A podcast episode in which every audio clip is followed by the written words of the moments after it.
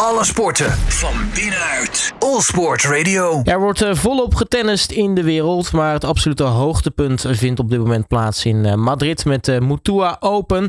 De beste dames en heren in de wereld die spelen daar uh, tegen elkaar. We gaan over dat toernooi praten, maar ook natuurlijk over wat andere toernooien, grote toernooien die bezig zijn. Denk bijvoorbeeld aan München die net is afgelopen met, met Stefan Kok van Tennis Magazine. Stefan, hele goedemiddag.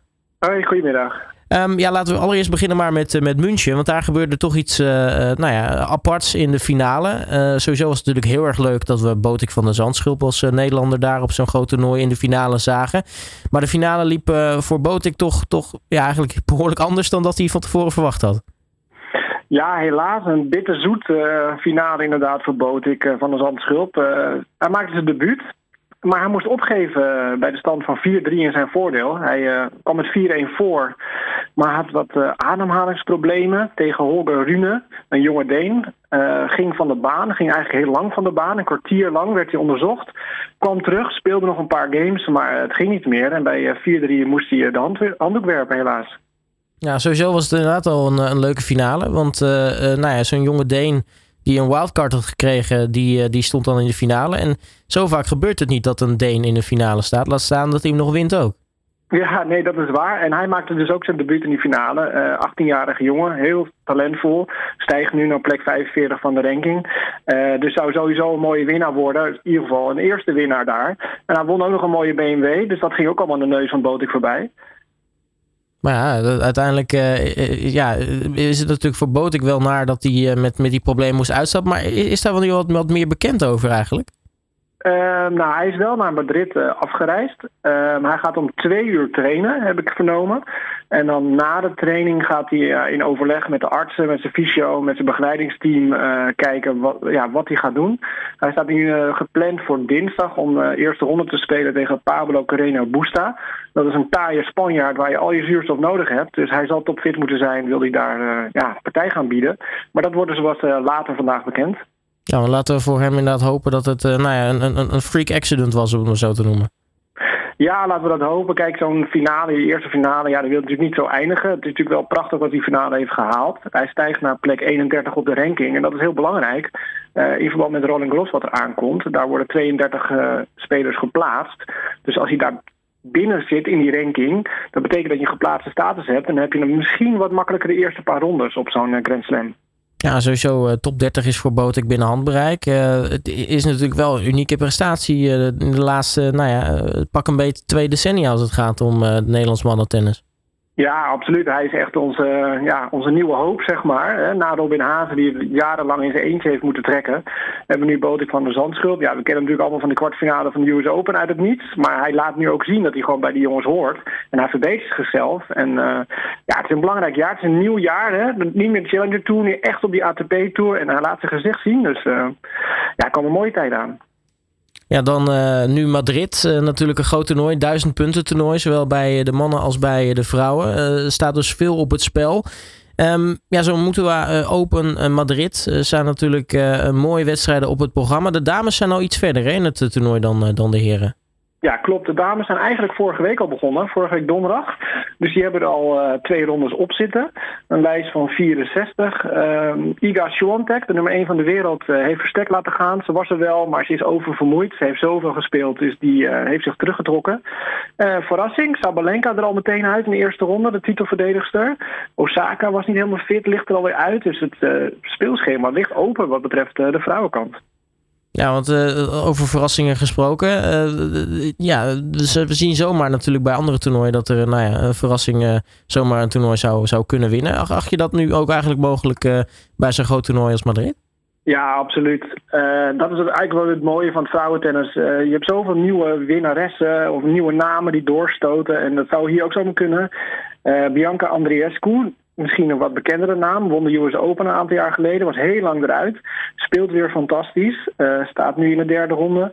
Uh, maar Simone Halep blijkt weer helemaal herboren te zijn met de nieuwe coach uh, Patrick Mouratoglou. Die is even leen van Serena Williams. Staat geweldig te spelen. Won van Badoza. Nou, bekende naam die de laatste weken heel goed bezig was. Won ze 6-3, 6-1. Dus Halep is goed bezig. Uh, Ons Jabeur. echt een baltovenares uit Tunesië. Dat moeten we in de gaten houden. Ja, zo kan nog wel doorgaan. Ja, ik wou net zeggen. Ja, je kunt ze eigenlijk allemaal afgaan. Want er zitten natuurlijk uh, namen tussen. Uh, nou ja, Raducano kunnen natuurlijk wel wat van verwachten. Natuurlijk een jonge, jonge topper in, in de dop. nou ja, ik ga maar even verder. Kasatkina zit er natuurlijk nog in. nou ja, Azarenka Anisimova is natuurlijk nog een leuke pot in de derde ronde die, die, die eraan komt. En nou ja, Simone Halep speelt er nog tegen Coco Gauff. Dus daar kunnen we ook nog wel wat van verwachten. Ja, die zie je zeg maar een soort oude garde tegen de nieuwe, nieuwe garde daar inderdaad. En Azarenka Anisimova, ja, Azarenka, ja, uh, uit Wit-Rusland. Dan denk je van, ja, mag hij daar spelen? Hè? Wimbledon boycott alle Russische spelers en uh, Wit-Russen. Maar uh, de ATP en de WTA-tour mogen ze onder neutrale vlag gewoon allemaal in actie komen. En Anisimova klinkt Russisch, maar is Amerikaans. Ja, precies. En uh, ook een, een, jong talent volgens mij. Um, nu had je het al even over Russen en Wit-Russen en, en, en, en, nou ja, wel spelen of niet spelen. Dat is volgens mij ook weer een vuurtje wat, wat is opgeleid in de, in de afgelopen week met, met heel veel mensen die daar een mening over hebben. Ja, klopt. Kijk, Wimbledon heeft gezegd van bij ons ja, mogen ze niet meedoen. En alle voorbereidingstoernooien in Groot-Brittannië in aanloop naar Wimbledon ook niet. Dus Medvedev bijvoorbeeld kan daar niet in actie komen. Uh, ja, dat is echt uh, Wimbledon. Dat, is, dat valt er weer onder ITF. Uh, dat is echt een Wimbledon beslissing geweest. En de ATP-tour en de WTA-tour, dat is dan weer een andere soort organisatie. Die hebben dus gezegd, de spelers mogen onder neutrale vlag meedoen. Wij doen niet aan ja, discriminatie op nationaliteit. En het is voor die Russen natuurlijk behoorlijk lastig, want ze kunnen zich niet uitspreken tegen de oorlog specifiek, want dan denk ik dat ze problemen krijgen in hun eigen land uh, voor veiligheid. Maar ze zijn dan over het algemeen tegen oorlog. Ja, wie niet? Dus zo spreken ze zich wel uit. Maar Wimbledon heeft gezegd, bij ons komen ze er niet in. Nou ja, dan uh, Wimbledons uh, wil is wet. Uh, dat is, nou ja, is natuurlijk altijd zo bij, ja. bij Wimbledon. Um, als we nog even teruggaan naar Madrid, want het mannentoernooi is dan net begonnen. We hebben natuurlijk al een paar eerste ronde partijen gezien. Het toernooi ligt dus nog helemaal open. Wat kunnen we daar eigenlijk van verwachten? Nou, alleen maar vuurwerk. Als we kijken boven in het schema, zien we Novak Djokovic. Nou, hij heeft ook een tijdje onder vuur gelegen natuurlijk met zijn, uh, dat hij niet gevaccineerd was. Hij heeft heel weinig gespeeld, maar hij is hier als eerste geplaatst als nummer 1 van de wereld. Maar Rafael Nadal zit ook bij hem in het schema. Um, is een tijdje geblesseerd geweest aan een ribblessure. Maakt zijn comeback. Zegt, ik weet nog niet hoe en wat. Ik moet even afwachten met de vorm. Hij heeft niet veel getraind. Maar goed, dat kennen we van Rafa Nadal. Dat hij altijd een beetje zo'n rookgordijn optrekt. Maar eigenlijk supergoed staat te spelen. Maar die zitten bij elkaar in de kwart bovenin. Samen met Carlos Alcaraz. De 18-jarige Spanjaard. Ja, dat is natuurlijk ook een sensatie. Dus bovenin het schema is het mega sterk. Ja, en uh, nou, onder het schema natuurlijk ook nog wat leuke namen. Met, uh, met uh, Rublev, uh, Tsitsipas, uh, Ogier Aliassim en Alexander Zverev. Ja, Zverev die zijn titel gaat verdedigen. Um, op die gravelbaan in Madrid wat een beetje op hoogte ligt. Dat betekent dat de bal wat sneller door de lucht vliegt en wat hoger stuitert. Uh, maar ja, Tsitsipas zit in zijn helft, speelt heel graag en goed op gravel. De voormalige uh, Roland Garros finalist, Tsitsipas. Uh, Auger Aliassime speelt daar. We zien Yannick Singer nu op de baan staan. Ja, het, is allemaal bekende namen en uh, prachtig. Ja, als we nog even de, de, de, nou ja, de glazen bol erbij pakken, uh, Stefan. Uh, toch een kleine voorspelling. Wie, wie daar denk je dat er bij, uh, bij, nou ja, eigenlijk bij de vrouwen en bij de mannen Madrid zal kunnen gaan winnen? nou, ik ga misschien een hele gekke naam noemen. Dat is Sara Sorribes Tormo. Die heb ik van dichtbij gezien toen ze bij de Jean King Cup speelde tegen Nederland. Een Spaanse. Die speelt echt heel leuk graveltennis. Die gebruikt de hele baan. Dus die moeten we echt in de gaten houden. Simone Halep speelt heel sterk. Doet het uh, eigenlijk altijd wel goed in Madrid. Dus ik noem die twee namen dan uh, bij de vrouwen. En bij de mannen ga ik voor um, Tsitsipas onderin. Die gaat finale halen.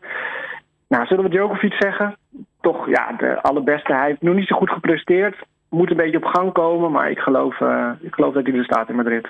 Nou, dat is toch, toch wel weer uh, leuk voor, uh, voor Djokovic natuurlijk. Want uh, nou ja, in, in Wimbledon is hij toch niet welkom. Dus laat hij dan maar schitteren op de toernooien dat hij, dat hij wel kan spelen. Um, nu, nu hadden we het al even kort over, over Rusland en, en, en Belarus en, en, en tennissers wel of niet welkom. het goede nieuws is als je ze dan toch wel wil zien en dicht bij huis wil blijven. Volgens mij Rosmalen zijn ze wel gewoon welkom. Ja, klopt. Valt onder de ATP en de WTA. Dus um, Libema Open heeft uh, aangekondigd inderdaad dat Daniel Medvedev komt. Uh, begin juni. Uh, op de ja, Autotron Sertogenbos. Ja, dat is natuurlijk een, een tennis die je absoluut wel van dichtbij wil zien. Stefan Kok van Tennis Magazine mag ik je hartelijk danken voor je tijd. En spreek natuurlijk snel weer als er wat, wat meer mooie, mooie toernooi op het programma staan.